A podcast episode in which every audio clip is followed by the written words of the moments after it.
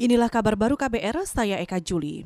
Saudara kepolisian diminta transparan mengenai perkembangan penanganan kasus yang disangkakan ke pentolan FPI Rizik Sihab. Mengutip Antara, ini disampaikan pengamat hukum Universitas Indonesia, Kudri Sitompul. Kata dia, banyak hal yang mempertanyakan proses kasus hukum yang dituduhkan ke Rizik sepulangnya ia ke Indonesia hari ini. Sebab menurut Kudri, kasus hukum yang disangkakan ke Rizik tidak bisa lantas batal lantaran ia berada di Arab Saudi lebih dari tiga tahun.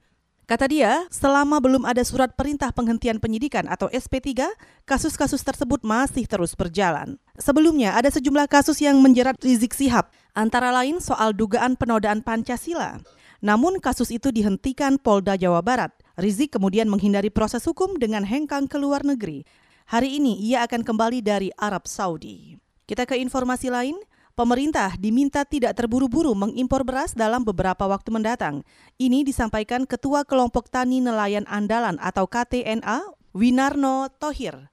Alasannya, saat ini masih ada surplus beras lebih dari 2 juta ton. Dan angka itu berdasarkan angka produksi sementara dan realisasi dari Badan Pusat Statistik atau BPS Oktober lalu. Selain itu, Winarno juga meyakini jika program pangan sagu, diversifikasi pangan, dan kenyang tanpa nasi digabungkan, tidak perlu lagi impor kita sampaikan itu jangan serta-merta didengungkan bahwa pangan kurang, terus ada pihak-pihak yang menginginkan impor. Nah ini tidak perlu. Ditambah lagi, itu baru pangan beras ya ya. Dipersiapkan sudah non beras. Ketua Kelompok Tani Nelayan Andalan Winarno Tohir juga menyebut produksi petani utamanya hortikultura cenderung berlebih dan banyak yang belum terserap pasar. Bahkan beberapa hasil panen petani banyak yang terbuang dan tidak laku. Pada Oktober lalu, Badan Pusat Statistik merilis produksi padi 2020 sebesar lebih dari 55 juta ton, naik 500 ribu ton lebih dibanding tahun lalu. Karena itu, pemerintah dinilai tak perlu impor beras. Kita ke mancanegara.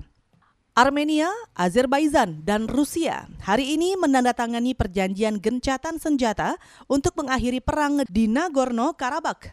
Penandatanganan itu dilakukan antara dua negara dan dimediasi Rusia. Mengutip Al Jazeera, Perdana Menteri Armenian Nikol Pashinyan menjelaskan kesepakatan itu sebagai sebuah hal menyakitkan seperti yang diungkapkannya dalam status Facebooknya. Kesepakatan itu akan berlaku hari ini.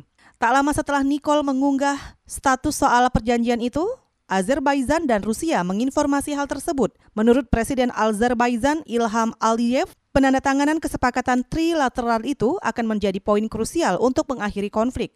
Sementara menurut Putin, kesepakatan berikutnya akan diatur setelah ini. Konflik sengketa wilayah antara kedua negara terjadi sejak akhir September lalu.